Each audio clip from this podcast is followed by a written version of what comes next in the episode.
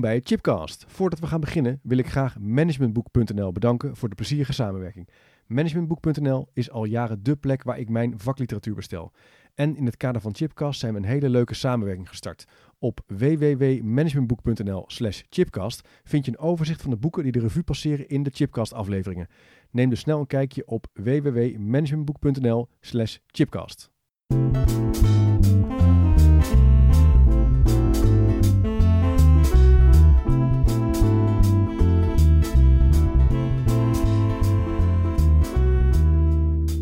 Welkom bij een nieuwe aflevering van Chipcast, een programma waar ik op zoek ga naar verrassende antwoorden en nieuwe perspectieven op vragen die mij bezighouden. En in deze podcast staat de vraag centraal: wat is de relatie tussen een leven lang leren en democratie? Dat gesprek ga ik voeren met Jozef Kessels. Jozef, welkom in de uitzending. Dag Chip, fijn er weer te zijn. Ja, want je bent eigenlijk de eerste die voor een tweede keer terugkomt in, uh, in de Chipcast-studie. We waren de eerste opname hebben wij samen Ja. gedaan. Uh, over het aantrekkelijk maken van leren in organisaties. Uh, en wat denk ik wel een aantal luisteraars zullen weten, we hebben samen ook een filosofieboek geschreven. Vorig jaar, ik houd het even in beeld. Ik zal het even via deze camera ook doen. Denken in organisaties. Dat stond in 2018 in de maand van de filosofie centraal. Een pleidooi voor een nieuwe verlichting en daar gaan we het ook uitgebreid over hebben. Ja. Um, in dit gesprek gaan we een relatie leggen tussen een leven lang leren en democratie.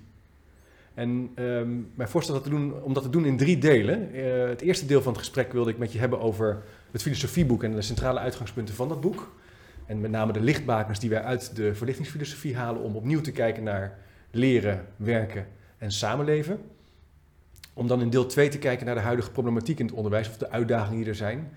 Uh, zoals bijvoorbeeld onder motivatieproblemen bij uh, middelbare scholieren, maar ook het lerarentekort en de trend van individualisering. En dan gaan we kijken of we dat met die lichtbakens of die perspectieven uit die verlichtingsfilosofie in het derde deel van ons gesprek uh, kunnen verkennen of we dan de relatie tussen leven lang leren en democratie kunnen ja. scherp stellen. Nou, ingewikkelde boodschap. Ja. we gaan proberen uh, ja. natuurlijk niet te ingewikkeld te maken. Laten we eens beginnen bij het, uh, bij het filosofieboek. We hebben dat samen geschreven. Um, denken in organisaties. Wat was voor jou de aanleiding om daarmee te starten? Nou, um, ik denk dat we allebei heel erg gefascineerd zijn door die verlichting, dat verlichtingsdenken. Um, wij maakten ons zorgen over um, de, het hele sterke economisch gerichte marktdenken waar we nu in zitten. Ja. Van de ene kant is dat een vrijmaking vanuit het religieuze uh, denken waar de verlichting afscheid van neemt. En tegelijkertijd uh, werkt dat in onze ogen als een soort nieuw religieus dogma. Ja. Dus dat is, ik denk dat dat een, een fascinerende vraag Maar we hebben natuurlijk ook allebei iets met die belangstelling voor leren ontwikkelen. En um, daar is die verlichting natuurlijk vreselijk belangrijk voor geweest. Een sterk pleidooi voor het kritisch zelfstandig denken, um, de basis voor um, emancipatie, vrijmaking van gezag. Ja. en uh, het zelf uh, kunnen kiezen.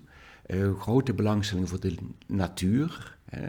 Uh, en dat houdt ook in dat we daarmee de natuur gingen bestuderen. En dat was natuurlijk ook de basis voor de enorme wetenschappelijke ontwikkeling.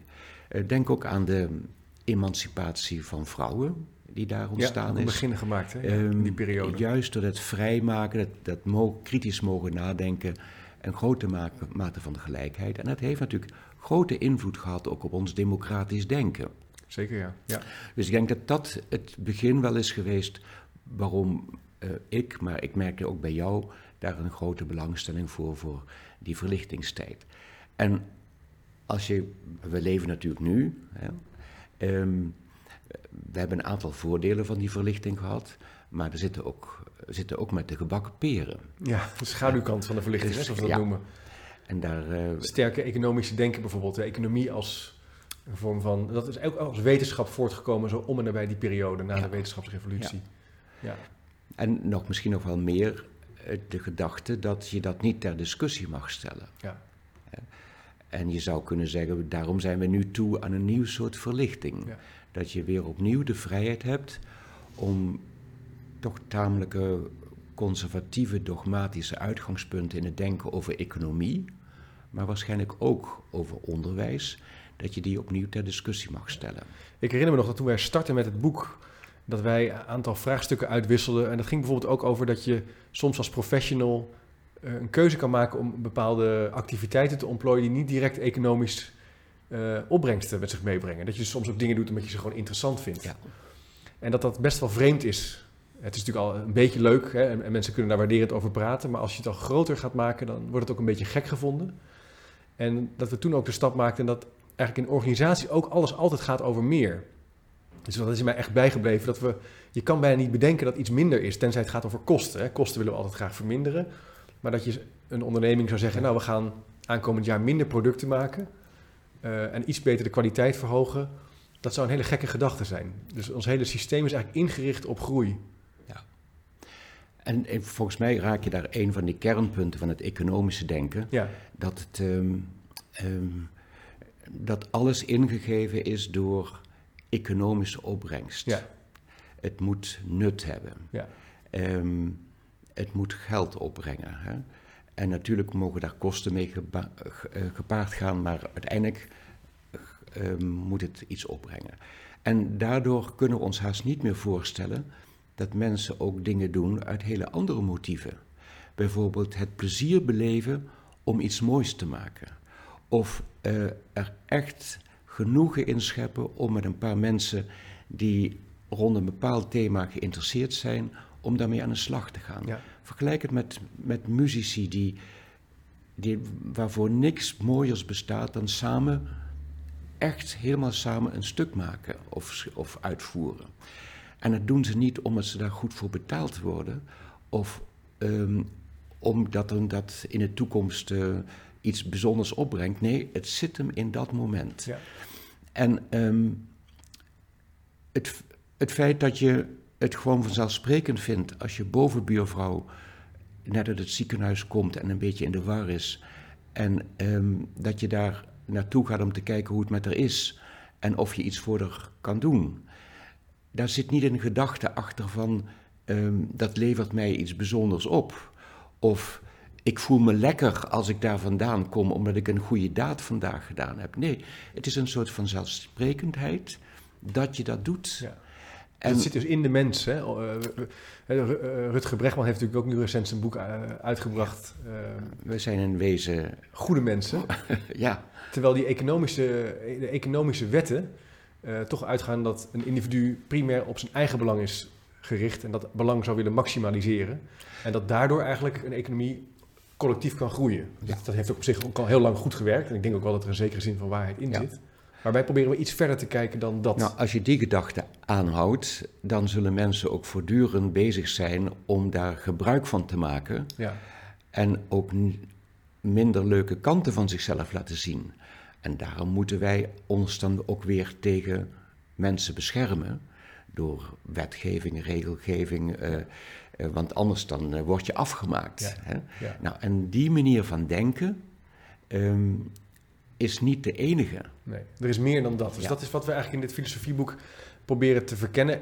Ik, vind wel, ik, ik krijg er ook wel belang aan om, om aan te geven dat we niet een soort uh, weg willen van de economie of een soort, uh, nou ja, afscheid willen nemen van valuta of geld. In die zin, het huishoudboekje wil je nog steeds op orde brengen, maar je kan verder kijken dan alleen geld, omzet, groei. Ja. Naar samenwerken, naar leren, naar vernieuwen. Nee, geld is natuurlijk hartstikke belangrijk. En het maakt natuurlijk ook mogelijk dat je bijzondere dingen kan doen. Ja.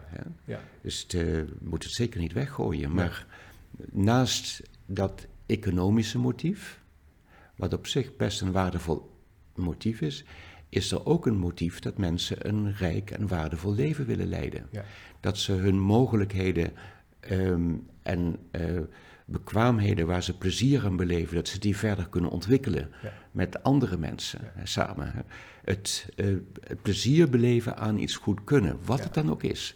En het derde component is uh, dat je doet het niet in je eentje.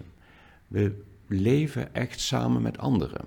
En in Nederland doen we met heel veel mensen op een klein kluitje. En daarom hebben we bekwaamheden nodig om het op een aardige, nette manier te doen, die aan de ene kant je veel individuele ruimte biedt, en van de andere kant ook beroep doet op de verantwoordelijkheid om het samen goed te doen. Want dat kan je niet uitbesteden aan een staat of aan een burgemeester of aan een wethouder of aan een minister. We moeten het echt zelf doen. Mooi. En wat wij in het boek hebben geprobeerd te doen, is uit die verlichtingsfilosofie een aantal lichtbakens te halen die ons vandaag de dag nog steeds kunnen bijstaan. Om dan op die manier te kijken naar werk, naar leren, samenleven. Ja. Ehm, ik ga de eerste noemen. Durf te denken. Hebben we een beetje gepikt van Immanuel Kant, hè, de belangrijke Duitse verlichtingsfilosoof. Ja. Durf je te bedienen van je eigen verstand. Ja. Nou, Spinoza uh, wist er ook wel van. Hè? Zeker, ja. Die uh, ook een sterk pleidooi houdt voor dat zelfstandig kritisch denken. En dat is natuurlijk in wezen het voertuig om vrij te zijn. Ja. Uh, en um, um, ik denk dat, dat het belangrijk is dat we dat nu opnieuw ontwikkelen. Ja. En dan bedoel ik niet, iedereen mag zeggen wat hij wil. Um, dat is een soort platte uitleg ja, ervan. Dat is een extreme eigenlijk. Hè? Van ik vind dat het anders is. Hè, of ik heb ook recht op mijn mening, natuurlijk. Maar het gaat natuurlijk ook over durf te denken, in de zin van kritisch denken, dat het ook um, goed geïnformeerd is. Ja. Dus dat je kritisch kunt denken op basis van zorgvuldig onderzoek doen, um, nieuwsgierig dingen afwegen. Ja, maar ook wel kennis. Je hebt er ook wel kennis voor nodig. Ja. Je kan niet zonder het denken. Dat, is, ja, dat doe je met kennis. Ja. Met dingen in je hoofd, dingen die je weet. Ja. Ja. En um, dus dat, dat is volgens mij het voertuig om een volgende Ja. stap te zetten. ja. Dus dat denken stellen we centraal. Bedien je van je eigen verstand en ontwikkel, zoals Kant dat ook zei, een moreel kompas. Of een categorisch imperatief, een moreel toetscriteria, wat je ook aan anderen kunt opleggen. Dus dat gaat ook over een bepaalde moraliteit of een filosofie van het goede. In die zin, het, gaat niet Ja. over, het is niet alleen een intellectuele bezigheid. Het gaat ook over wat voor soort wereld zou ik willen leven, wat vind ik belangrijk. Ja. Maar het is wel belangrijk dat wij het daar samen over hebben. ja. Want als je zo zegt van mijn, ik wil mijn imperatief aan jou opleggen, dat, dat strookt niet Nee. met durf te denken. Nee. Het was best wel een radicale denker, eh, in die zin, Ja. hè, dat hij dat... Maar je- kunt wel zeggen, goh wat interessant dat jij er zo over denkt. Eh, welke gronden heb je daarvoor? Ja. En wat kan, daar, wat kan ik daarvan leren en hoe Ja. verrijkt het die van mij? En ik ben eerder bereid om naar jou te luisteren als je mij ook serieus neemt. En aan dat spel, Ja. dat is, of spel, dat is ook een hele serieuze bekwaamheid. Dat spel zouden we opnieuw moeten leren spelen. Ja. En dat gemeenschappelijke, dat je zou kunnen zeggen dat het ook een, een onderdeel uitmaakt van een collectieve cultuur, dat raken we kwijt als je heel sterk focust op het individuele belang. Ik weet het en ik, ben, ik, ik ga even vertellen hoe het zit. Hier, hier zou je ook kunnen zeggen dat dat denken ook een sociale collectieve, dat zeg je eigenlijk ook, een collectieve activiteit is. Wat mij wel opvalt in de, in de afgelopen jaren, dat zie je in de politiek, maar je ziet het ook in het onderwijs, is veel, veel discussie op uiterste. Terwijl eh, Kant wel natuurlijk je, je doet verleiden om een punt in te nemen, om, het, om de discussie over aan te gaan, maar dat we daarmee ook tot een gezamenlijk besluit kunnen komen of tot een gezamenlijk inzicht. Ja. Eh, er was laatst er was een boek over geschreven dat in de media er geen. Er zijn eigenlijk geen debatten meer, maar vooral mensen die meningen verkondigen. Niemand durft eigenlijk meer gezamenlijk te bekijken wat dan wel. Het blijft eigenlijk op uiterste zitten. Dus, maar dat is het eerste punt. Durf te denken. Van, van, en daar vatten we natuurlijk een beetje het werk van eh, Kant in samen. Maar goed, eh, eh, op de website kan je nog veel meer informatie over hem vinden. www.denkeninорganisaties.nl Voor als je het leuk vindt. De tweede is de natuur als vangrail. Ik herinner me dat we dat op de boerderij bij jou in Terschuur bedachten. Over dat we zeiden van ja, je zou eigenlijk alles kunnen denken. Probeer het even samen te vatten. Je zou alles kunnen denken. Maar in deze tijd leven we aan de grenzen van die economische realiteit. En we zijn dingen aan het opmaken, onherstelbaar aan het vernietigen. Als je durft te denken, ga je dat wel zien, denk ik. Lijkt me vreemd om de klimaatdiscussie nu te gaan ontkennen. Dus eh, dan bedien je van je verstand. Dat is, nou, dat is natuurlijk ook maar een mening. Hè? Ja, nou ja, goed, dat heb je natuurlijk wel veel, ja. Ach, Ja. is of, of eh, ik ben het er wel mee eens tot het op mijn eigen keuzes gaat. eh, gaat hè. Dan wil ik toch wel vijf keer per jaar met een vliegtuig op vakantie. Ja. En toen zei jij, ja, dan zou je eigenlijk zeggen... dat denken zou alle kanten op moeten gaan... maar we zouden wel de natuur als vangrail moeten gebruiken. Nou, het lijkt me helemaal niet gek om in deze tijd, als je het hebt over een moreel imperatief, dat je dat als dat, dat de natuur daarin een vertrekpunt is. Ja, Je mag heel veel doen als het maar geen schade toebrengt, duurzame schade aan de omgeving waarin je leeft. ja, En ehm, dat is natuurlijk een ander standpunt dan in de verlichting. In de verlichting werd de natuur ontdekt, maar meer gezien als dit is ons eigendom en we kunnen er naar eigen goeddunken gebruik van maken. Ja. Een hele andere relatie tot de natuur. En ik zou het nu heel graag een pleidooi willen houden om die natuur als een moreel kompas te gebruiken. Ja. Ehm, zo gauw je dingen onderneemt in je economische verkeer of in je privéleven of in je vakantie, ehm, die duurzame schade toebrengt aan de natuur, moeten we ons handelen heroverwegen. Ja. En, ehm, ehm, en dan gebruik ik niet religie als moreel kompas of het gezag van een hoger geplaatste, maar de zorg voor de omgeving waar je deel van uitmaakt. We zitten hier in Zeist, eh, waar we het gesprek opnemen, vlakbij de Triodosbank. Eh, het hoofdkantoor wat hier vlakbij net open is gegaan. eh, wat een eh, werkplek is die ehm, compleet afbreekbaar is. Dus dat gebouw kunnen ze later weer in stukken uit elkaar halen en recyclen. En het is ook gemaakt in de vorm en in, in relatie tot de natuur. Dus het is letterlijk in de vorm van een, ik meen een ehm, paddenstoelsoort gebouwd. Omdat daar ook bepaalde soorten paddenstoelen groeien. En alles is in verbinding gemaakt met die omgeving om het ook e- ecologisch zo duurzaam mogelijk te maken. Daar is Triodos Bank Ja. natuurlijk wel sowieso een, een, een, je zou kunnen zeggen, een radicale duurzaamheidsvoorvechter. Ook in hoe ze werk organiseren. Maar het kan dus wel dat je een pand maakt wat recht doet aan de omgeving. Ja. En ehm, je ziet ook dat Triodos daar in economische zin heel succesvol mee Ja, is. ze verdienen gewoon geld. Een van de weinige Ja. eh, financiële instellingen die ongeschonden uit de financiële crisis is gekomen. Ja. En eh, heel systematisch en consistent doorgaat op die lijn. Ja. Ik denk dat de Triodosbank wel een instelling is die die natuur als moreel kompas gebruikt. Ja. Ik heb nog een andere reden om daar een sterk ja. pleidooi voor te houden. Die, ehm, die vraagstukken rond duurzaamheid en klimaatveranderingen zijn zo ingewikkeld.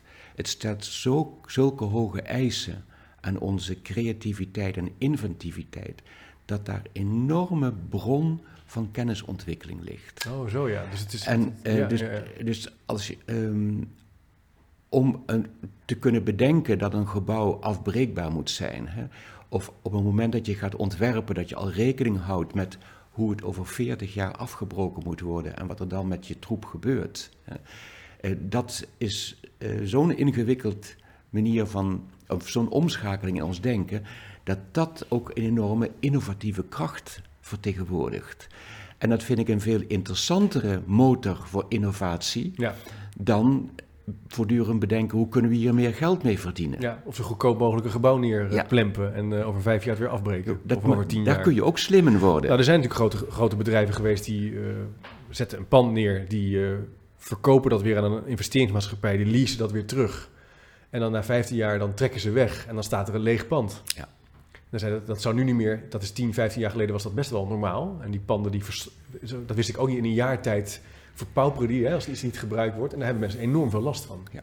Dus jij zegt eigenlijk, door dat die natuur te gebruiken, zet je iets aan, iets intellectueels, iets van onze denkkracht, die we juist, die heel erg waardevol is. Ja.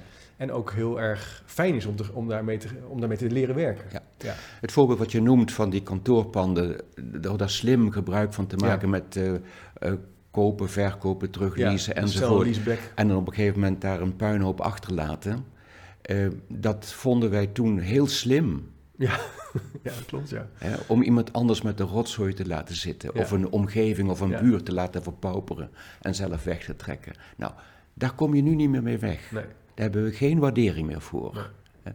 Vandaar dat ik dat de natuur als vangrail... Mooi, ja. ehm, niet alleen als moreel kompas zou willen gebruiken... maar ook als aanjager, als bron voor radicale innovatie. Als we dan een stap zetten naar de derde lichtbaken, zoek een hoger doel, omarm een hoger doel. Het gaat dus over het, eh, het idee, het hoger doel zegt het al iets, niet zozeer in de zin van een eh, religieus doel, hoewel je dat zou je ook wel mogen hebben als je dat, eh, in die zin zijn we vrij om te denken wat we willen. Voor mij bedoel, hebben wij hiermee getracht uit te werken dat je verder kan kijken dan geld verdienen. Ja. Dat je, je, je kan elkaar ontmoeten en gelukkig, dat gebeurt ook op veel plekken. Mensen kiezen om samen te werken, omdat ze iets willen maken waar ze gelukkig van worden, waar ze nieuwsgierig naar zijn. En wij zeggen eigenlijk, dat kunnen we, in die verlichtingsfilosofie ontstond dat ook.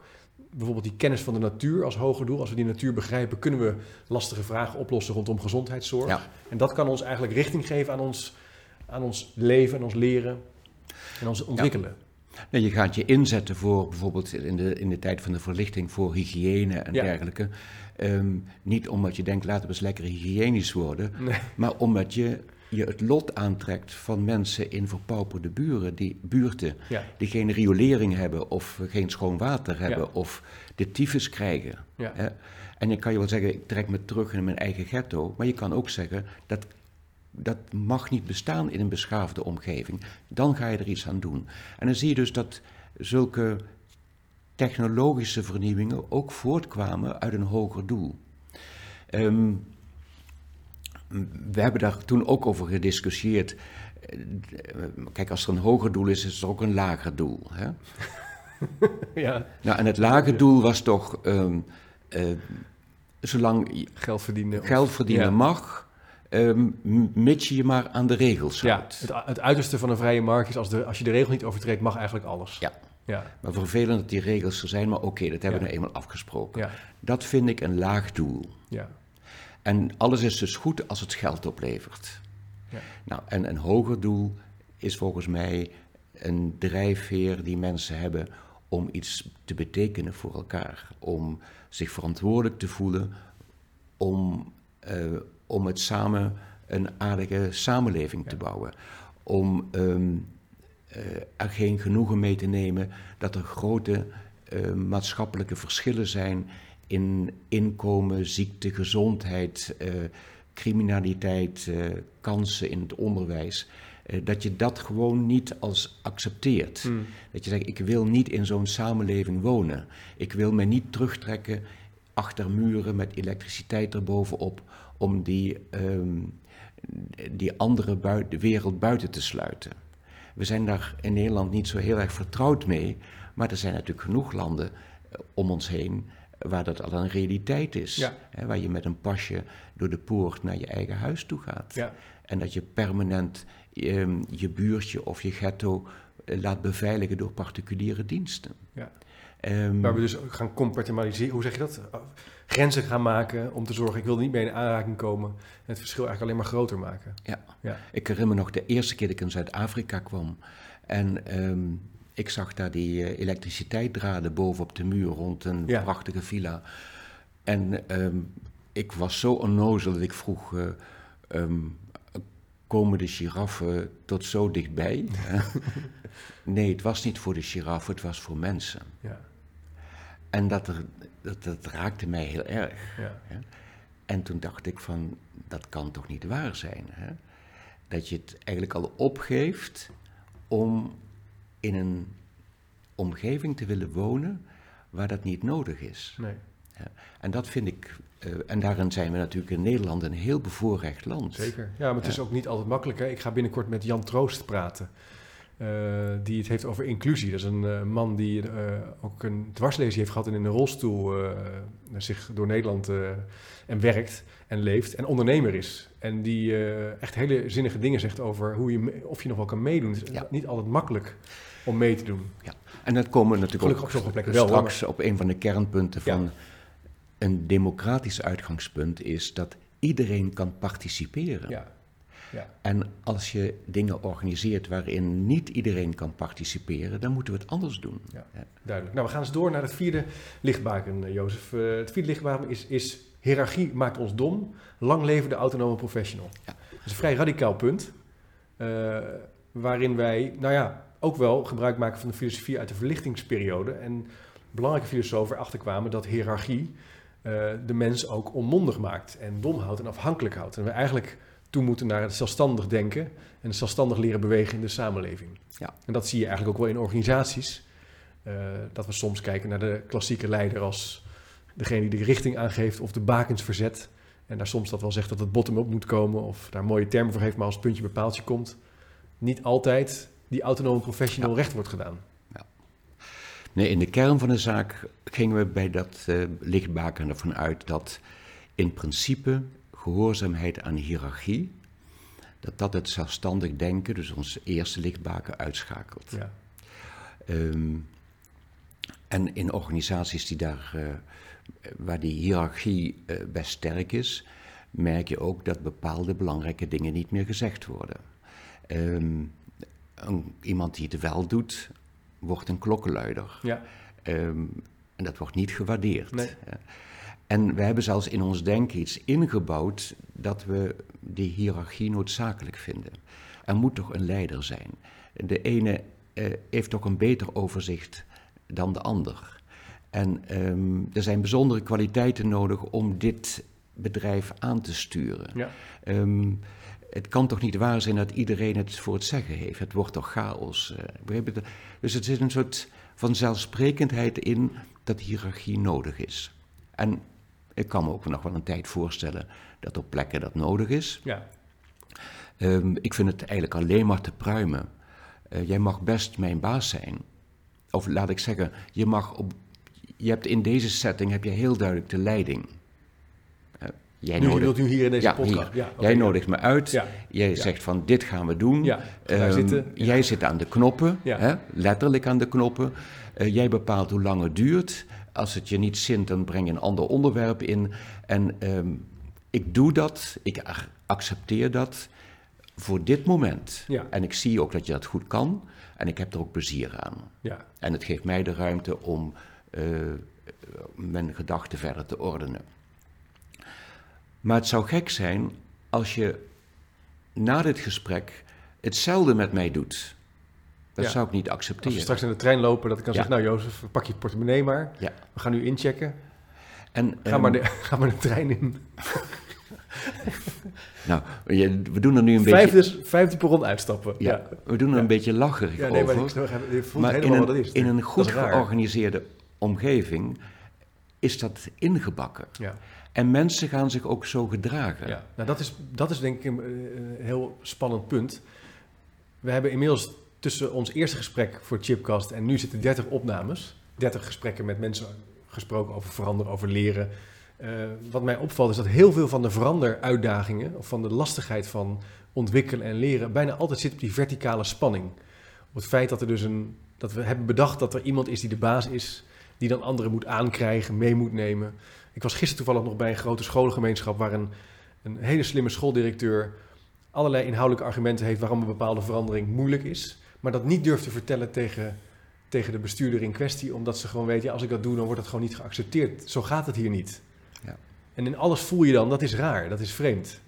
En dan kan je wel een training tegenaan gooien of een keer eh, een, een masteropleiding doen om daarmee om te leren gaan. Maar als, als dat het dus blijkbaar oproept in die spanning, ja.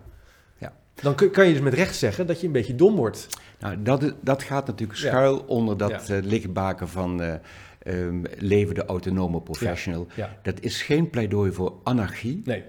Het vraagt ook om nieuwe bekwaamheden die we niet goed onder de knie hebben. Nee. En we- in een hiërarchische omgeving kan je ze ook niet leren. En in het onderwijs krijgen we ze ook niet goed eh, Nee. onder de knie. Dus je kan ook niet deze bekwaamheid ontwikkelen in een hiërarchische organisatie. Dus dat is het spannende eraan. Ja. Ehm, ja, daar zit dus echt een contradictie in. We gaan door naar het, eh, naar het eh, even kijken. Eh, durf te denken, de natuur als vangrail, zoek een hoger doel. Hiërarchie maakt dom, lang leven de autonome professional. Naar gebruik technologie voor transparantie, feedback en sturingsinformatie. Ja. En dat is denk ik het punt waarin we zeggen, er is zoveel slims wat je tegenwoordig kan gebruiken als het gaat over data, over je niet laten leiden door je emotie. Ja, soms mag dat ook best wel, maar door slimme informatie om je heen op en op basis daarvan je keuzes te laten baseren. Ja. En ook in de verlichtingsfilosofie was dat al Ja. een belangrijk uitgangspunt. Maar wat we in het, in, het, ehm, in het Engels vaak noemen de well-informed decisions. Hè? En ik denk dat die technologie, eh, je noemt ook die, het beschikbaar zijn van data, daar eh, slimme analyses op maken, dat die technologie je helpt om daar beter over geïnformeerd te zijn. Ja. Ehm, mits het op een democratische manier gebruikt wordt. Eh, want dat is natuurlijk op het ogenblik eh, van rond big data een hoop aan de hand. Niet dat we wat we technologisch allemaal kunnen, maar wie eh, beheert het? Precies. Van wie is, wie is de eigenaar daarvan? Ja, En hoe wordt het gebruikt? ja. En dat is niet transparant. Nee, dit- dus En- we zeggen ook deze lichtbaaks hangen, die zijn afhankelijk van elkaar.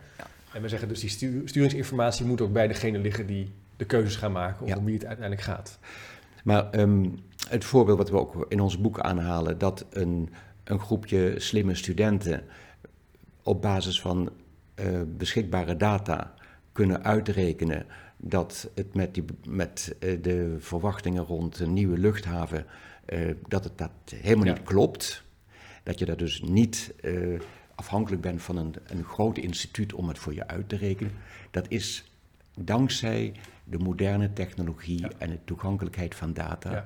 En dat eh, bevordert volgens mij ook een democratische cultuur. Als Nou, het helpt je ook om invloed te nemen. Het helpt je ook om te snappen waar het Ja. om gaat. We hebben eerder heb ik de oprichter van Schoon Gewoon in de uitzending gehad. Die eh, een schoonmaakcorporatie, we ook in het boek noemen. Waar de schoonmaakers eigenaar zijn van de coöperatie. En hij laat ook heel duidelijk zien dat met z'n allen bespreken ze de data. Het aantal klanten, de tijd die je nodig hebt, de aanrijroute, eh, de verschillende routes. Hoeveel klanten kan je bedienen in een dag? Hoeveel kost het om eh, zeep in te kopen? Wat voor soort stofzuiger willen we hebben? En hij zegt, hij merkt dus ook dat het zijn mensen in de regel die niet altijd die bekwaamheid in het begin hebben. Maar door dat te doen, ontwikkelen ze zich heel duidelijk. Hij is ook kritisch in de zin, het duurt wel lang. Het is niet zo dat je na een half jaar in één keer ziet dat iedereen fantastisch een jaarplanning kan maken. Maar het, doet, het heeft iets emanciperends. Dit is geen goed Nederlands woord, denk ik. Het emancipeert. Het maakt vrij. Maakt vrij. Ehm, en wat er o- ook heel interessant aan is, is dat die professionals eigenlijk een bredere bekwaamheid eh, leren ontwikkelen. Dus het gaat niet alleen over schoonmaken, maar het gaat ook over hoe je iemand begroet in een, als je ergens gaat schoonmaken, hoe je gedag zegt, hoe je het hebt over de uren die je hebt gemaakt, maar ook hoe je de, de jaarplanning maakt, de weekplanning, hoe je voor elkaar overneemt. En dat zou in deze tijd, in deze samenleving heel belangrijk zijn, dat je leert Ja. bekwamen, niet alleen in je discipline van arts, schoonmaker, maar dat je ook zicht hebt op het huishoudboekje Ja. en op andere elementen van Ja. werk. Maar ik, ik heb ook de, de, de chipcast Ja, ja, ons eh, gezien. En ik, ik was zo getroffen door de krachtige gedachte die daar aan ten grondslag ligt. En dat dan ook mensen die, waarvan heel lang gedacht was, die hebben behoefte aan strakke leiding, want die kunnen het zelf allemaal niet bedenken en eh, moet goed georganiseerd zijn en werkbriefjes en eh, Ja. instructies Ja. krijgen, ja. want anders dan eh, lukt dat niet. Dat dat dus helemaal niet klopt. Nee. Dat ook mensen waarvan wij met onze vooringenomen ideeën denken van dat kan niet, dat ook kunnen. Ja, ja en wat het dus het kan, en wat ook heel boeiend is, dat opdrachtgevers heel graag werken met dit soort bedrijven. Dus wat hierin bijzonder is, dat opdrachtgevers bellen hun op om te zeggen, we hebben gehoord van jullie bedrijf, jullie doen het op een andere manier, zouden jullie een keer bij ons komen, kunnen Ja. komen praten om ons pand netjes te houden. Ja. Dat is ook opmerkelijk. Dus je creëert ook, de, de, de opdrachtgever-opdrachtnemer relatie wordt ook Ja. anders. Maar goed. Maar het is ook wel leuk hoe je het... Je verraadt ook iets in je eigen taal. Hè? ja, Eh, Zo'n opdrachtgever zegt, kunnen jullie ons helpen om het pand mooi te houden? ja, En die opdrachtgever die dat fascinerend, die zegt niet, we hebben een schoonmaakklus voor je. nee. nee. Zit Het is andere taal. ook, andere wereld Ja. ook achter. Ja. En dat kan je dus doen door eh, democratisch gebruik te maken van technologie voor transparantie, feedback en sturingsinformatie. Het ene laatste, de ene laatste lichtbaken is empathie en altruïsme als verrijkende nieuwe valuta. Dus het idee loslaten dat een mens alleen gericht is op zijn eigen belang en alleen wil handelen als hij zichzelf er beter van kan worden, zeggen wij nou, de mens is ook empathisch en is ook gericht op de ander. Ik zal sociaal gedrag vertonen wat niet direct leidt tot eigen belang. En dat kunnen we gaan zien als een nieuwe vorm van valuta. Van Ja. valuta. Er zijn ook mensen die zeggen, wat een softe boel, eh, Jozef. Nou, ehm, naarmate je als enige valuta accepteert het economisch gewin, dan is het gekletst over altruïsme en eh, eh, Empathie. empathie is natuurlijk een beetje, een beetje onzin. Ja. Maar je kan, ehm, en daar weten we ook steeds meer van, hè, zelfs ook uit de biologie, hè, dat zelfs dieren een sterk gevoel van altruïsme kunnen hebben. Dat ze dingen voor andere dieren Ja. doen, omdat dat nu eenmaal nodig is en dat, dat, eh, dat men dat belangrijk vindt en niet uit eigen gewin. Ehm, dat is bij mensen net zo. ja. En daar gaat ook een enorme kracht van uit. En dat zijn volgens mij ook de elementen die een leven betekenisvol maken en eh, dat je daar voldoening aan beleeft. En daar zouden we veel meer mee kunnen doen, denk Ja. ik. Nou, dit is natuurlijk ook het punt wat Rutger Bregman ook laat zien. Is dat, eh, hij heeft daar het voorbeeld niet om nou direct een op één relatie te maken, maar met oorlog. Soldaten, dat die altijd eh, elkaar graag de kop afhakken en enge dingen doen. En zeggen, nou, er is ook heel veel onderzoek wat laat zien dat mensen helemaal geen geweld willen gebruiken naar anderen. Eigenlijk, het bajonet in de Eerste Wereldoorlog zijn eigenlijk bijna nooit gebruikt bijvoorbeeld. Daar is onderzoek naar gedaan. Een gruwelijke vorm om iemand pijn te doen. Hè? Uh, dus wij zijn wel degelijk geneigd naar het goede. Ja. Um, en er zijn ook wel biologen die zeggen, ja, dat, omdat onze soort, de overlevingskans van onze soort ook groter wordt, los of je daarin gelooft of niet, zijn wij ook wel geprogrammeerd om ook verder te kijken naar onszelf. Ik vond dat ook heel fascinerend. Uh, dat is apart, hè? Dat, die, dat, dat die soldaten technieken ontwikkelen om iemand niet dood te hoeven maken. Ja. Um, en daar heel slim in zijn. Ja. Want, en zeker naarmate dat heel dichtbij komt, hè, een man tegen man gevecht met bajonet, dat is onmogelijk. Dus je probeert dat te ontlopen. En niet uit, uit slappigheid, maar omdat je gevoel van empathie en altruïsme zich daartegen verzet. Daarom vind ik bijvoorbeeld nu de lange de, de, de oorlogvoering door middel van drones. Hè?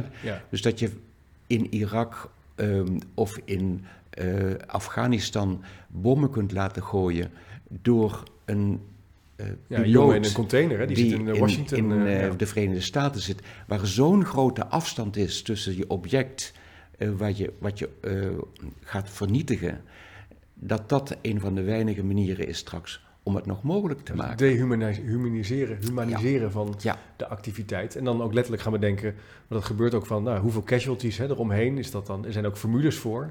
Het ook alweer toch met data objectiveren buiten jezelf leggen. En, en dat is ook natuurlijk de reden waarom we zoveel investeren in die killer robots. Ja. Want dan heb je het probleem echt opgelost. Ja. Ja. Dan hoef je niemand meer in gewetensproblemen te brengen. Dus we kunnen wel degelijk die empathie en altruïsme gebruiken. Het is wel degelijk een beweegreden van de mens om ook te kijken naar werk en naar samenleven en zelfs naar leren. Ja, ik denk, uh, het is alweer anderhalf jaar geleden dat we het opgeschreven hebben. Ja. Um, we hebben toen een pleidooi gehouden van denk ook eens aan deze valuta. Ja. En ik zou nu zeggen, als we dat niet doen, maken we er echt nog een grotere puinzooi van. Ja, ja dus ons denken stopt gelukkig niet. Nee, ik denk het ook dat het heel belangrijk is. Nou ja, ik heb het voorbeeld was genoemd van uh, met ouders van onze school iets maken. Uh, je kan aan de ene kant denken, je ouders hebben daar geen tijd voor of zijn druk. Maar eigenlijk willen heel veel mensen wel een steentje bijdragen. En ook als je een rondje maakt langs de buren of de mensen in de wijk... Uh, en te vragen, kan je af en toe de plantjes water geven in de tuin? Dan doen mensen dat wel. Tuurlijk. Dus misschien dat, dat ze er een beetje belang bij hebben, maar, dat, dat is maar het is ook fijn om iets te doen voor iemand anders. Kijk, je moet niet meteen vragen, kom uh, drie dagen in de week uh, klussen in de tuin. Maar als je zegt, nou, kom een paar uur helpen. Ja. Mijn, mijn ervaring, je wordt eigenlijk altijd wel verrast. Ja. En, en zeker durf te helpen op Twitter, hè? durf te vragen. DTV is ook wel zo'n zo bekend verschijnsel. En zeker als je het vraagt op een niet-hierarchische manier. Ja. Ja. Niemand heeft zin om in opdracht van een baas een klus te gaan doen. Nee, dat is het echt, hè? Maar een uitnodiging om samen zorg te dragen voor iets wat relevant is, nou, daar is niemand tegen. Nee, nee. nee ik herken het ook in, de, in deze chipcast. Als je gewoon iemand vraagt, omdat je nieuwsgierig bent om iets te bespreken met iemand, dan appelleert het ook aan een inhoudelijke interesse. Ja. Uh, terwijl als je het hebt over een businessmodel of, of over hoe je er geld mee kan verdienen, ja, dan, dan wordt het niks. Oké, dat hebben we dus de ene laatste. De laatste, want we, moeten natuurlijk, we gaan ook de stap naar, naar, naar, naar deel 2 maken van onze podcast. Um, het waarderen van vakmanschap, autonomie en verbondenheid. Dat hebben, in het begin noem je dat ook al even, de motivatiefactoren of het onderzoek wat gaat over... je wil als professional met je vak bezig zijn. Het werk waar je warm voor loopt, waar je goed in bent. Dat wil je doen met gelijkgestemden die er ook goed in zijn, zodat je kunt leren van elkaar. En je wilt er enige vorm van autonomie over uh, hebben. Dat je ook besluiten kunt nemen die gaan over dat vak. En dat je ook niet constant met een briefje moet invullen of je iets mag, wel of niet mag doen.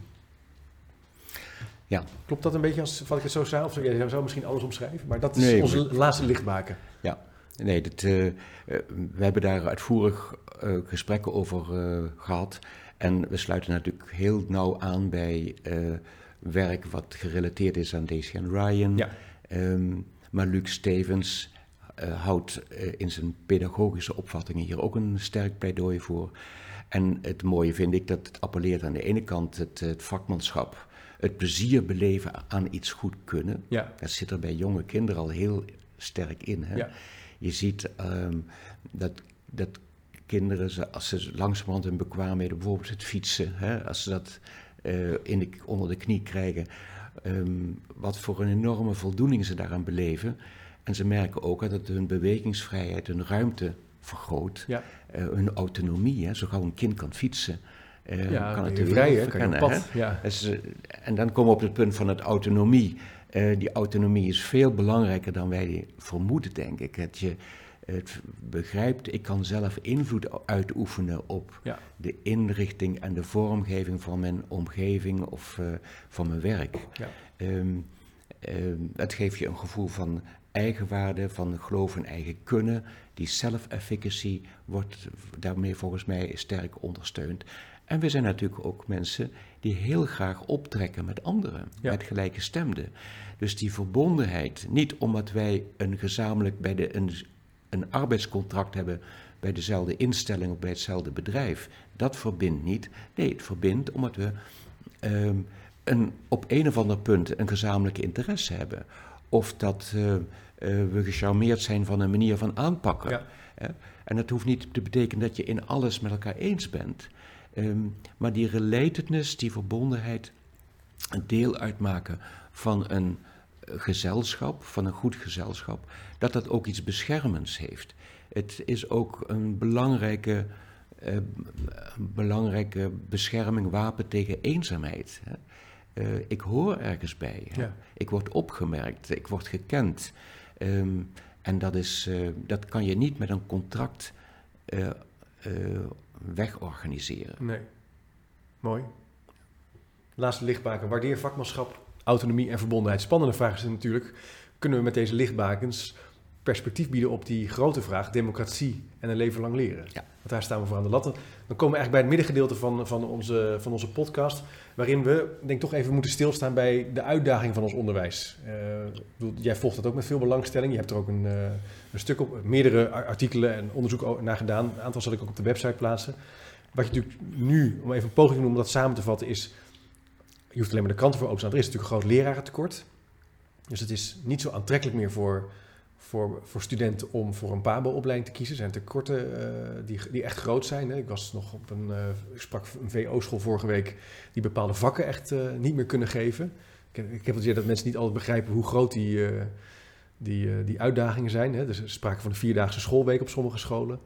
Uh, gelukkig op, niet op alle plekken. Dus dat is een punt waar, uh, waar we ook mee te maken hebben. Is dat de resultaten. Ik heb Wim van den Broek uh, een paar weken geleden gesproken. Hoogleraar in Brussel. Die doet daar veel onderzoek naar. Die zegt ja, de resultaten gaan ook omlaag. We kunnen eigenlijk vrij met, enige, met best wel veel zekerheid stellen dat nou ja, de PISA-score bijvoorbeeld, maar ook andere vormen van, van scoring, dat we daar zien dat kinderen eigenlijk minder goed scoren. 20 jaar, 30 jaar als we uitzoomen. Um, en we hebben te maken met een motivatieprobleem op middelbare scholen, met name op de HAVO bijvoorbeeld, wordt steeds duidelijker dat kinderen het soms moeilijk vinden op school, een hele grote druk ervaren. Uh, en dat uit zich ook wel in stress en in burn-out klachten zelfs. Dus dat zijn even drie korte, ik noem er even drie, uh, misschien dat ik een vierde nog maar noemen, dan hou ik op hoor. Um, er is ook wel steeds meer kritiek op het vernieuwen van het onderwijs om het vernieuwen. Dat grote onderwijsvernieuwingen steeds gaan over het vernieuwen zonder dat er eigenlijk onderbouwd wordt gekeken, is dat nou wel een goed idee? Punt wat we nu heel veel zien is gepersonaliseerd leren. Alle kinderen een individuele leerroute. Prachtig idee. Je kan ook niet, niet individueel leren. Alleen, hoe ziet dat eruit op een school? Hè? Ja. Uh, dus dan heb ik even vier, vijf thema's even zo. Vier hele grote thema's, grote, thema's. En die gaan we in de komende vijf minuten even allemaal oplossen. Ja. ja, nou niet op, maar hoe, hoe, als ik ze zo noem, wat, wat, ja. is Nou, vanuit, um, um, laten we ons boek uh, Denken Organisaties ja. als, uh, als referentiepunt nemen. Je noemde eerst het grote lerarentekort. Waarom is er een lerarentekort? Omdat jonge mensen niet meer kiezen voor het leraarsvak. Waarom doen ze dat niet? Omdat het onaantrekkelijk is. Ja, ja duidelijk, ja. En het is niet iets wat het, het vorig jaar ontstaan is. We spreken daar al tien jaar over. En um, we hebben eigenlijk nagelaten om eens goed na te denken over wat nou het leraarsvak echt aantrekkelijk maakt. En ook daar zou je onze lichtbakens eens over laten kunnen schijnen. Uh, hoe zit het met die hiërarchie in het onderwijs? Heeft een leraar uh, wel een zekere mate van autonomie? Um, is er waardering voor het vakmanschap? En is er een mogelijkheid om dat naar eigen inzicht verder te ontwikkelen in samenspraak met, met collega's. Um, de verbondenheid. Um, ik heb zoveel uur aan een school of een onderwijsinstelling. En hoe verbonden voel ik mij met de collega's die in andere groepen werken? Ja. Um, dat zijn hele principiële vragen ja. die je niet in een spreadsheet kan oplossen nee. met uh, slim organiseren. Hè. Het, um, dus daar zit echt de vraag van uh, hoe maken we het onderwijs opnieuw aantrekkelijk? En het gaat volgens mij niet alleen om het verbeteren van het salaris. Natuurlijk moet het salaris rechtvaardig zijn en marktconform. En uh, daar moet je geen gedoe over hebben. Nee, we hebben het er eerder over gehad, het stukje wat ik schreef uh, in de krant over die ZZP'er-beweging. Dat veel van de docenten die kiezen voor een ZZP-loopbaan uh, worden er snel bekritiseerd. Maar die doen het eigenlijk niet alleen om vanwege het geld, maar ook vanwege de onaantrekkelijkheid van de werkomgeving, ja. het gedoe wat erbij komt. Ja. Maar het pijnlijk is, toen ik tien jaar geleden aan schoolleiders en bestuurders ja. de vraag voorlegde van... Um, als er bij een vacature een, een, een, een leraar komt en die zegt: uh, Ik wil best hier uh, les komen geven, maar ik hoef de baan niet. Wat zou je dan zeggen? Ja. En toen werd ik uitgelachen. Ja. En, maar dat is helemaal, je hoeft daar helemaal niet uh, een soort visionaire gedachte over te hebben. Je ziet het voor je ogen gebeuren ja. als je het principe van wat maakt het werk aantrekkelijk, als je dat uit het oog verliest. En we hebben het zien aankomen, want in de zorg, die zorg loopt op dat punt al een stuk voor. Ja. Ja, dat nu hele afdelingen zijn die gerund worden door ZZP'ers. Ja. Um, die zeggen, ik vind het vak hartstikke fijn om te doen. Maar ik hoef die organisatie van jullie er niet meer bij. Ja? En je kan het niet wegschuiven van arrogant en uh, dat is echt een serieus vraagstuk. Ja. En dat vraagt dus om opnieuw na te denken over hoe organiseren wij onze werkomgeving samen. Ja. Ik, heb het, ik, ik deel dat helemaal. Ik ben inmiddels ook wel een beetje erachteraan komen. Ik, ik, kan het niet wetenschappelijk onderbouwen, maar dat zou ik wel graag willen. Dat heel veel leerkrachten zijn bijvoorbeeld best wel fan van... Uh, die willen goed onderwijs geven, goede instructie, een goede lesvoorbereiding, goede tijd voor de kinderen. Die willen een groep de groep laten. Die komen soms in scholen of die werken in scholen waar langzaam vernieuwingsprocessen gaande zijn, waar ze eigenlijk niet altijd mee eens zijn, of uh, niet mee eens zijn, maar wel, die wel moeten. Die eigenlijk allemaal, zijn allemaal van die skutraketten die zo'n school inkomen waar ze allemaal mee aan de slag moeten. Waardoor ze eigenlijk waardoor ze minder goed hun vak kunnen uitoefenen en minder plezier aan beleven, maar ook de resultaten onder druk zien, zien komen te staan. En dat is een voorbeeld is dat gepersonaliseerd leren.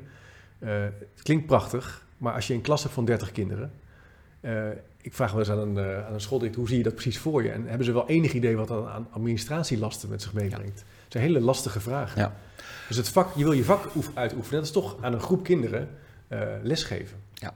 Even, dat gaat misschien even nog vooral over basisonderwijs. Ik denk dat in VO weer iets anders Maar goed, daar wil je ook natuurlijk ja. goed lesgeven. Maar we moeten oppassen dat we niet dat gepersonaliseerd leren dan wegzetten als weer een vernieuwingsgedachte ja. waar leraren niet aan willen. Nee. Ja. Ik denk dat het veel meer te maken heeft met, uh, je noemt het van een skut. Ja, zo'n zo, zo, zo, zo raket die zo even naar binnen komt vliegen. En dan moet je er wat mee. Dat geeft natuurlijk aan dat die leraren weinig invloed hebben op de inrichting en de vormgeving van hun werk. En de reactie die leraren daarop hebben, is zich terugtrekken in hun eigen groep of hun eigen klaslokaal, de deur dicht. Dat is de enige plek waar ze zelf nog iets voor te zeggen hebben. En hebben dus ook belang bij om die skutraketten, om die buiten de deur te houden. Ja. En, um, dat, en dan een paar stappen verder en dan kun je niet anders concluderen dat het onderwijs een heel conservatief bolwerk is. Want daar is geen vernieuwing meer mogelijk. Ja. Um, maar je zou er ook kunnen zeggen, het zijn bastions waar mensen zich zo beschermen dat het heel onveilig is om, um, om nog mee te doen. Ja. En dat maakt het dus ook een onaantrekkelijke werkomgeving. En dan heeft een nieuwe generatie jonge mensen die graag samen wil oppakken, die met, uh, uh, met interessante vernieuwingen wil bezig zijn, die ook een vak onder de knie willen krijgen, die het leuk vinden om met, met jongeren te werken, die zeggen van ja, ik doe dat niet meer. Nee. Ik, doe, ik ga iets anders beginnen. Ja. Ja. Ik denk dat het. Uh, en dan mooi. blijf ik een beetje uit de buurt van of perso gepersonaliseerd leren. of het nu wel of niet goed is. Daar ga ik even niet nee, over. Nee, dat we ook niet. Het gaat misschien niet, maar het gaat over die vernieuwingsbewegingen waar je dus geen invloed op kunt uitoefenen, waardoor je dus terug gaat trekken in plaats van verbinding gaat maken. Ja. En je had nog die motivatieproblemen van uh, jongeren, of met name in het voortgezet onderwijs. Ehm, daar zou je natuurlijk ook vanuit onze lichtbakens iets over kunnen zeggen. Kijk, we hebben fantastisch onderwijs. Ook al gaan de, eh, Ja. eh, in vergelijking met andere landen hebben wij een ruim en vrij curriculum. We hebben goed opgeleide leraren. We hebben mooie gebouwen waarin het plaatsvindt. Ehm, eh, ik kom op plekken, ook in andere landen, waarvan je denkt, oei jee, oei Ja, jee. Hè? ja. Maar in die zin zitten we daar echt heel goed bij in vergelijking in Nederland. Maar met die jongeren die ehm, motivatieproblemen hebben, je zou het ook kunnen zeggen van, als ik het even uit het onderwijs stap hè, en we, we, we, herzien, we kijken opnieuw naar de pleidooi van autonomie, zelfsturingen.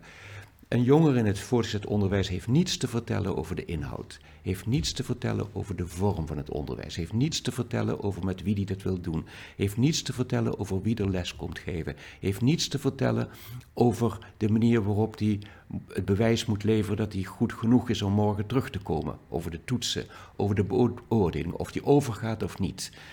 Dus vanuit een perspectief van autonomie is een schoolorganisatie een hele armoeige omgeving. Ja.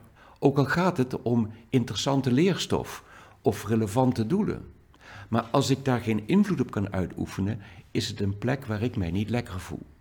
Maar ik moet wel. Ja. Als je die gesprekken ziet tussen ouders en hun pubers, eh, en dan die, die moeder en die vader maar weer proberen, eh, maak je huiswerk nu.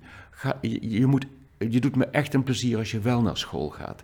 Natuurlijk heb je gelijk dat die leraar allemaal onzin vertelt en dat jij op sommige onderdelen het veel beter weet. En ik snap natuurlijk wel dat het niet duidelijk is of het wel relevant is wat je allemaal moet leren. Ga nou maar. Maar Die doe het maar. mijn ouders eh, Want, van vroeger. want als je het niet doet, snij je jezelf in de Ja, vingers. maar dat is natuurlijk ook wel zo. Nou, het Ja. zijn toch verschrikkelijke Ja. gesprekken. Ja. Nou, eh, hier heb je het motivatieprobleem helemaal op tafel. Ja, jij zegt ze hebben ge- nergens invloed op. Ze, ze hebben geen vorm van autonomie. En als je Behalve dan, dan dat je dan op een gegeven moment misschien een, eh, op een gegeven moment een profiel mag kiezen. ja, Maar dat is toch... maar die keuze is ook beperkt. Ja. hè. Het zijn er En, vier, eh, drie, vier. ja. Ehm, en ik, ik, natuurlijk, op, als ik het op die manier eh, probeer uit te drukken, ja. Dan zullen honderd mensen klaarstaan om te zeggen van, vind je dan dat ze zelf moeten bepalen wat ze willen leren? Ja. En heeft een leraar, dan is het toch zijn vak, hè? Of, dat hebben we geprobeerd. Iederwijs school. eh Wat een grote Jan En wordt nou ja, Ja. doet het overigens hartstikke goed. Maar daar waren ook wel kritieken weer op de toetsen en examens. Je, hebt, ja, je, weet, het- je weet de reactie, kan je al zo eh, voor je Ja. Ja. Maar, het is, Maar wat betekent dat dan? maar dit is dus wel een, ik probeer een kernpunt te raken, Ja. Om daar eh, een oplossing voor te vinden. En je noemde het de HAVO, eh, het motivatieprobleem begon eerst met het VMBO. Ja. Ik kwam eh, op, op VMBO-scholen met grote hoge hekken eromheen. Toen dacht ik, is het zo'n gevaarlijke buurt hier dat, eh, om die kinderen te beschermen? Nee, zei de conciërge, het is om ze binnen te houden. Ja. Eh, het is zo verschrikkelijk dat we, dat, eh, dat we het zo ver laten komen. Ehm, nu zit het de HAVO, maar in de gymnasia is het ook een groot probleem. Ja. Eh, jongeren komen heel graag naar school omdat ze daar leuke gelijkgestemden vinden. Ja. En de prijs die je moet betalen om daar elke dag te mogen zijn, is dat je vakken moet volgen. En daar een voldoende voor moet halen, anders moet je weg. ja. En als, als dat de motivatie is, is het natuurlijk heel armoeig. Ja. En daar zou ik heel graag iets aan willen doen. Duidelijk, Joost. Dus eh, hiermee proberen we een aantal, even een aantal perspectieven op de stand van zaken van het onderwijs even in het middengedeelte van onze podcast je hebt nog te de, ook nog de neergaande resultaten. Ja, dan hebben we nog de neergaande resultaten inderdaad. Want eh, wat, hoe kijk jij daarnaar, naar die neergaande resultaten? Ehm, nou, als ik al die metingen zie, Ja, dan eh, denk ik, eh, eh, nou, het wordt steeds minder. ja, Ehm, nog steeds staan we in Nederland daar heel goed voor. Als je ziet welke resultaten wij boeken en het geld wat wij aan het onderwijs uitgeven, dan doen we dat heel slim. Ja. Dus dat, eh, ik wil het ook niet dramatischer Nee, maken nee, dan het nee. is.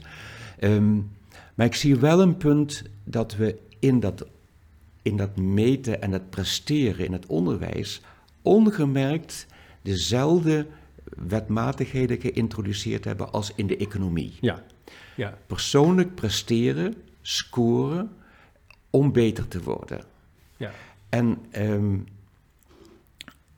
dat het ook een steeds meer individueler proces is. Als ik goede punten haal, dan heb ik hard gestudeerd en is het mijn verdienste. Als ik een onvoldoende haal, dan ben ik een loser. En er is niets meer van een, of weinig meer van een soort gezamenlijke verantwoordelijkheid om er iets moois van te maken.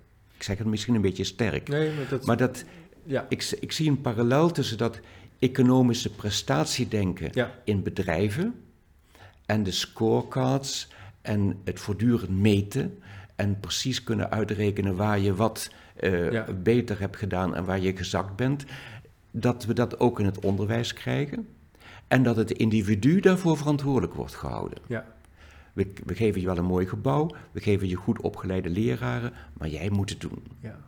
En dat werkt op den duur vervreemdend. En daar hebben jongeren gewoon geen zin meer in. En de slimmeriken, die weten hoe ze daarin kunnen laveren. En die denken, als ik het zo en zo aanpak, dan heb ik net een zes. En dan, eh, en ik, maar meer energie moet ik ook niet stoppen, want dan kan ik andere dingen die ik belangrijker vind niet meer doen.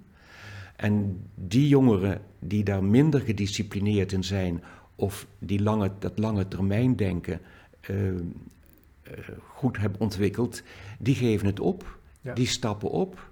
Ehm, die zeggen: Ik ga wat anders doen. Ik word er niet eh, erkend. Ik wil in, in dit circus niet meer doorgaan. Ehm, meiden die s ochtends eh, hun bed niet durven uit te komen omdat ze weer een, een toets hebben. Hè? Eh, weer een bewijs moeten leveren dat ze goed genoeg zijn. Ehm, als ik dat met leraren bespreek, dan zeggen leraren tegen mij. Bij mij hoeven ze maar zoveel toetsen te maken, dat is helemaal niet zoveel. Maar ik zeg, jullie zijn wel met z'n zeventienen. En jullie weten van elkaar niet wat je diezelfde groep leren. ja. Ehm, dus het voortdurend onderwerpen aan, ehm, eh, aan het toetsen presteren, ehm, dat bevordert op den duur een vorm van oppervlakkig leren. Het bevordert het vooral werken vanuit extrinsieke motivatie. Het bevordert bij leraren dat ze meer op de testscores gaan werken dan op het verdiepend leren en al die pedagogische waarden die ze eigenlijk heel belangrijk vinden. Het geeft zwakkere leerlingen meer faalervaringen. Het, geeft, het verhoogt de angst om naar school te gaan. Het bederft het plezier in leren. En we zien ook bij, eh, bij mensen die in hun leerloopbaan daar veel faalervaringen door opgedaan hebben, dat we die later nooit meer terugkrijgen als het gaat om een leven lang leren. Ja. Dat is, een, dat is voor hen een vorm van levenslang. Hè? En ehm, dat kan niet de bedoeling zijn van onderwijs. Hè? Dat is eh, met onze beste intenties bereiken we bepaalde groepen een averechts effect. En dat zou ik heel graag willen doorbreken. Spannende gedachte, Jozef, eh, hoe we dat kunnen doen. Ehm, we hebben hiermee dus gekeken naar, die, naar die, een aantal van die onderwijsontwikkelingen. Het laatste punt gaat dus over die neergaande lijn, waarin je dat ook wel even in perspectief plaatst ten opzichte van de financiën doen we het ook heel goed in Nederland. Waarin je wel dat vervreemdende karakter ziet van zo'n onderwijsomgeving, waar je weinig invloed hebt op de, op de vorm van onderwijs, op de vorm van leren, waarin je dus afstand creëert en dus ook motivatieproblemen gaat krijgen. En daar hebben, hebben kinderen of jongeren geen zin meer in. En dan moet je ook nog eens een heel leven lang gaan leren. Hè? Want Ja. dat stopt natuurlijk ook nooit meer, zoals Jan Ja. Brands het ook aangaf. Hè? Je Ja. hebt nog een heel leven waarin je kan Ja. eh, bekwamen. En, eh, ehm, we komen bij het derde punt, denk ik, van ons gesprek. Ehm, is het dan tijd voor democratisch onderwijs? Zouden we democratie en een leven lang leren bij elkaar kunnen brengen? Of anders gezegd, zou dat een antwoord kunnen geven op, op, op de uitdaging waarvoor we staan? Nou, ik zou het willen omkeren, Chip. Eh, volgens mij is, kijk bij mij als we het over democratie hebben, gaat het niet in mijn ogen alleen over het recht om te stemmen. Om volksvertegenwoordigers Nee, nee, te ja, precies, kiezen ja. of eh, eh, lid van de gemeenteraad. Of, eh, dus dat je je stem mag uitbrengen. Volgens mij, ik wil een democratie veel liever zien als een cultuur waarin het belangrijk is dat jij en ik en anderen participeren, meedoen. En zich daardoor ook verantwoordelijk voelen voor het geheel. Om samen iets Ja. te maken van onze opdracht om als mensheid het behoorlijk te doen. Hè. Ja. Dat is wel heel groot uitgedrukt. Nou ja, die, die, hogere doelen, dat hogere doel kunnen, Ja. kunnen realiseren van de verlichtingsfilosofie. En daar zeg je meedoen, participeren is een vorm van democratie. Het gaat niet alleen om stemmen. ja. Ja. En eh, om dat voor elkaar te krijgen, heb je een proces van een leven lang leren nodig. Ja, Dus een samenleving waar mensen niet meer leren, die, zo'n samenleving brengt haar democratisch gehalte in gevaar. Daar krijg je ook kans op meer autoritaire leiders. Daar krijg je ook een roep om een sterke hand die orde schept. Iemand krijgt waardering als hij durft te zeggen waar het op staat. Ehm, dan is een mening hebben is al een ding uh, ja. wat ertoe doet. Hè? Of dat nou uh, gefundeerd is of niet. Um, de volgende stap is in zo'n samenleving dat onderwijs waar meer kritische geluiden aan bod komen, of waar aandacht is voor filosofie of voor sociologie, of waar thema's als feminisme of homoseksualiteit of uh, culturele diversiteit aan de orde komen, dat dat gevaarlijk onderwijs is. Dat zie je dat in Brazilië wordt het uit het curriculum gehaald. De staat betaalt er niet meer aan. Je ziet het in uh, Turkije, je ziet het in Rusland, je ziet het in Oost-Europese landen. Zodra de democratische gehalte minder wordt, wordt het vernieuwingsdenken uit het, uit het hoger onderwijs gebannen. En daarmee kom je in een soort neerwaartse spiraal terecht. Vandaar dat ik het democratisch proces, of eigenlijk zou je moeten zeggen een democratische cultuur, haast vereenzelvig met een cultuur van een leven lang leren. Leven lang de bekwaamheid ontwikkelen om het samen goed met elkaar te doen. Ja. Om het mogelijk te maken om te kunnen participeren op een volwaardige manier. Ja. Um, het mogelijk maken om uh, in dialoog kritisch na te denken. Wat niet hoeft te zeggen dat we het samen eens zijn, maar ik wil wel naar je luisteren en daarvan leren. Ja. Ehm, en ik wil ook niet weggezet worden als een gekke Henkie die onwelgevallige opvattingen heeft. Hè? Maar je hoeft hem niet serieus te nemen. Uh, dat is een samenleving die langzamerhand uit elkaar valt. Daarom heb ik zulke problemen, vind ik het zo zorgwekkend, als zoveel mensen niet participeren in vormen van een leven lang leren. En het komt volgens mij ook. Kijk, oorspronkelijk hadden wij rond het leven lang leren. Eh, en ik ga dan eh, wel terug zelfs naar het werk van John Dewey uit, ja. 1916. Eh, het, uh, waar deze prachtige boek schrijft over onderwijs en democratie. Um, dat hij daar eigenlijk al uitwerkt dat het onderwijs zowel de functie heeft van mensen voorbereiden om bekwaamheden te ontwikkelen waarmee ze economisch onafhankelijk zijn. Hè, dus die, de, de, basis van wat we later het human capital denken zijn gaan doen, hè, gaan noemen. Maar ook een belangrijke rol in mensen ondersteunen om later een betekenisvol leven te kunnen leiden. In de zin van dat ze hun mogelijkheden, hun talenten ehm, kunnen ontwikkelen zodanig dat ze hun leven als betekenisvol en waardevol ervaren. En de derde was het vermogen om te participeren in een samenleving eh, die op een democratische manier met elkaar omgaan.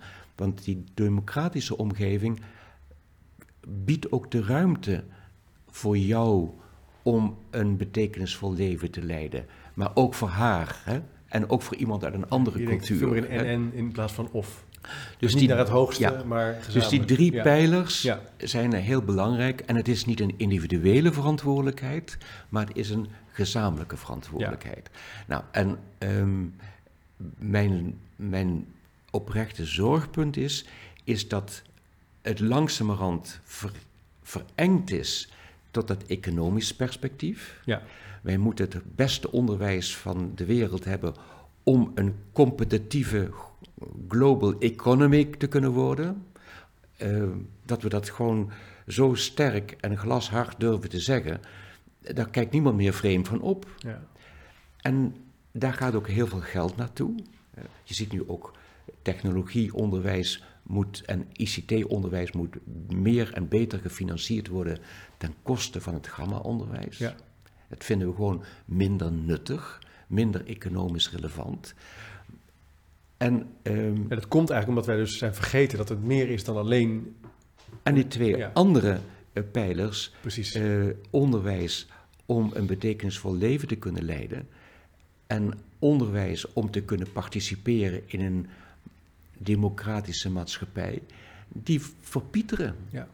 En je ziet in een aantal landen, zie je dat dat gecompenseerd wordt door nieuwe krachtige leiders, door populisme, door vormen van extreem rechtsdenken, uh, door, en uiteindelijk mondt het uit, als dat maar lang genoeg door kan gaan, dat mensen zich zo uh, op een zijspoor gezet voelden of niet meer kunnen participeren, um, het lokt terrorisme uit.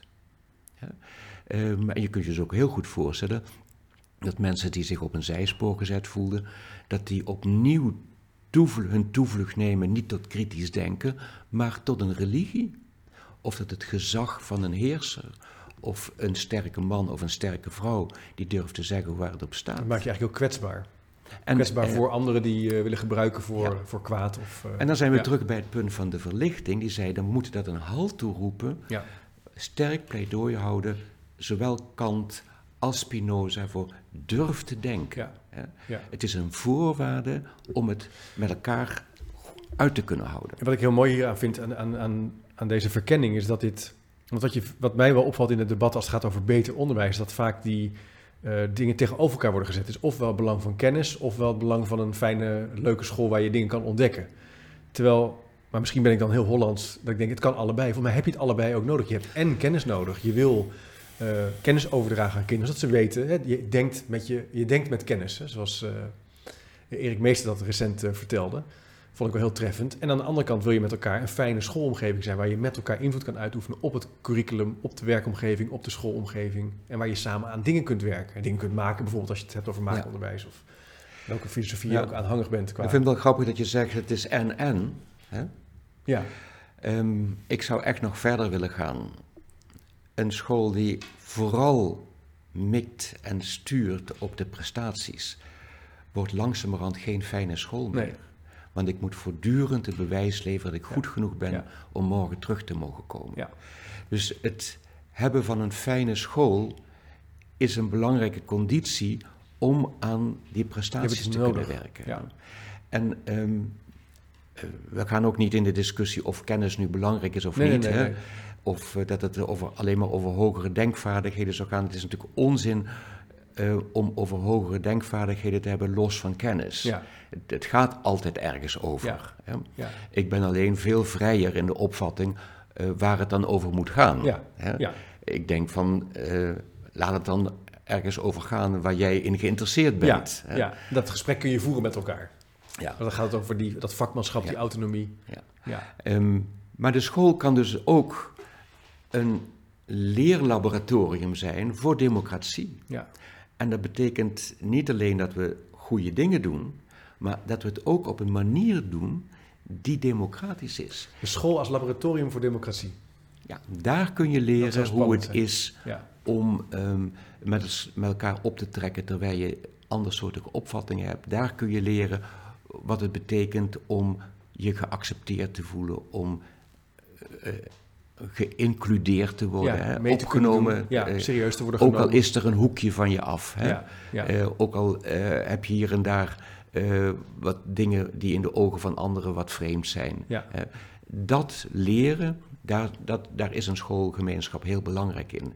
En daarom hou ik ook een sterk pleidooi voor um, de, niet alleen in de inhoud de school een hoog democratisch gehalte te geven, maar ook de wijze waarop je het organiseert. Ja. En dan denk ik dat we het moeilijk kunnen volhouden aan de leraar voor de klas die staat en die alles weet en de kennis overdraagt. En de leerling die zit en luistert en gehoorzaamt en gedisciplineerd. Uh, dat zijn vormen die verhouden zich daar niet goed mee. Nee. En, nee. Uh, die school ziet er dan anders uit. Maar het hoeft niet te betekenen dat die, dat die leraar niet wel, dat hij geen kennis meer overdraagt. Dat zal hij vast wel doen. Maar het betekent dat je gezamenlijk nadenkt over waar je aan wil werken. Dat er soms sprake is van kennisoverdracht. Soms, we hebben in het filosofieboek uh, twee, uh, een verlichte school en een niet verlichte school tegenover elkaar gezet. Even als denkexercitie. Ik zal hem als plaatje op de website zetten. Uh, waarin we ook zeiden van ja, in een verlichte school, waar dus dat hogere doel en dat die autonomie en zelfsturing belangrijk is, komen wellicht ook veel meer mensen van buiten de school in. Hè? Ouders kunnen, zouden kunnen meedoen. eh, eh, eh, ondernemingen, waar bijvoorbeeld de gemeente, en niet de hele dag, maar hè, eh, om mee te vorm te geven aan waar je zou aan kunnen werken Ja. met elkaar. Ja. Dat is natuurlijk een Nou, spannende gedachte. Maar op zich is dat ook geen nieuwe gedachte. Hè? Want eh, toen ik eh, naar, naar de kweekschool ging in de, in de s- s- 60 jaren, Ja, toen hadden we Everett Reamer. Eh, de school is geen gebouw. ja. Dus een veel ruimere opvatting Ja. van school als het is ook de buurt, de leefomgeving, ja, ik ben het helemaal met je eens. Gezin. maar nu, als je nu op een gemiddelde school komt en je zegt, nou zullen we eens even daar naartoe gaan, ja, dan hebben we vestjes nodig. Hè? Iedereen moet dan een vestje aan. Eh, Er moet voorop iemand lopen, achterop iemand lopen. Als we op de fiets gaan is het al helemaal paniek. Het gebeurt gelukkig wel op plekken, maar het is allemaal ook wel moeilijk gemaakt om, dat school, om, dat, om, dat, om dat terrein af te gaan. Ja. Laat staan hoe het schoolplein eruit ziet. Dat ziet er ook vaak uit als een betonnen parkeerplaats. Maar het, maar het moet die kinderen toch ook opvallen dat als ze in school ze zijn, eh buitenschool, doen ze allerlei dingen. Ja. Hè? En dan eh, maken ze gewoon deel uit van het verkeer. Dat met Ja. de ouders en met, eh, met hele gemengde groepen. Op het moment dat er iets in schoolverband, buitenschool, dan zie je ineens een soort militaire kolonne langskomen. Ja, Met rare uniformpjes en, ja en, zo, en oppassers voor en achter. Ja. En eh, dit komt natuurlijk al voort uit bescherming. Hè? Nee, het is eh, Eh, zinnig. eh, Ik snap ook wel dat je erover nadenkt. Maar kinderen zullen dat ook ervaren van als we met school iets doen, gedraag ik, moet ik mij anders Ja. gedragen dan wanneer ik eh, in het echte leven Ja. sta. Nou, dit speelt natuurlijk ook bij schoolgebouwen waar je bijvoorbeeld zou zeggen, hè, eh, zou de school ook na sluitingstijd open kunnen blijven om activiteiten te ontplooien. Ik ben daar toevallig met mijn school ook mee bezig. We hebben een ontzettend leuke schoolleider die echt met ons meedenkt, maar ook wel zegt, ja, maar dat is ingewikkeld, want we zijn niet verzekerd. Eh, dus je kan niet zomaar het gebouw zomaar in en uit. Terwijl Ja. ik zou denken, ik heb wel eens tegen haar gezegd, het is ook mijn school. Ik ben hier met, enige zekerheid langer dan jij. Ik hoop dat zij eh, tot het eind dat Willemijn van Mm. school gaat op school blijft hoor. Maar je zit so- soms acht en als je meerdere kinderen hebt, heel lang als ouder op school. Ja. Waarom zou je niet een beetje eigenaar worden van de school?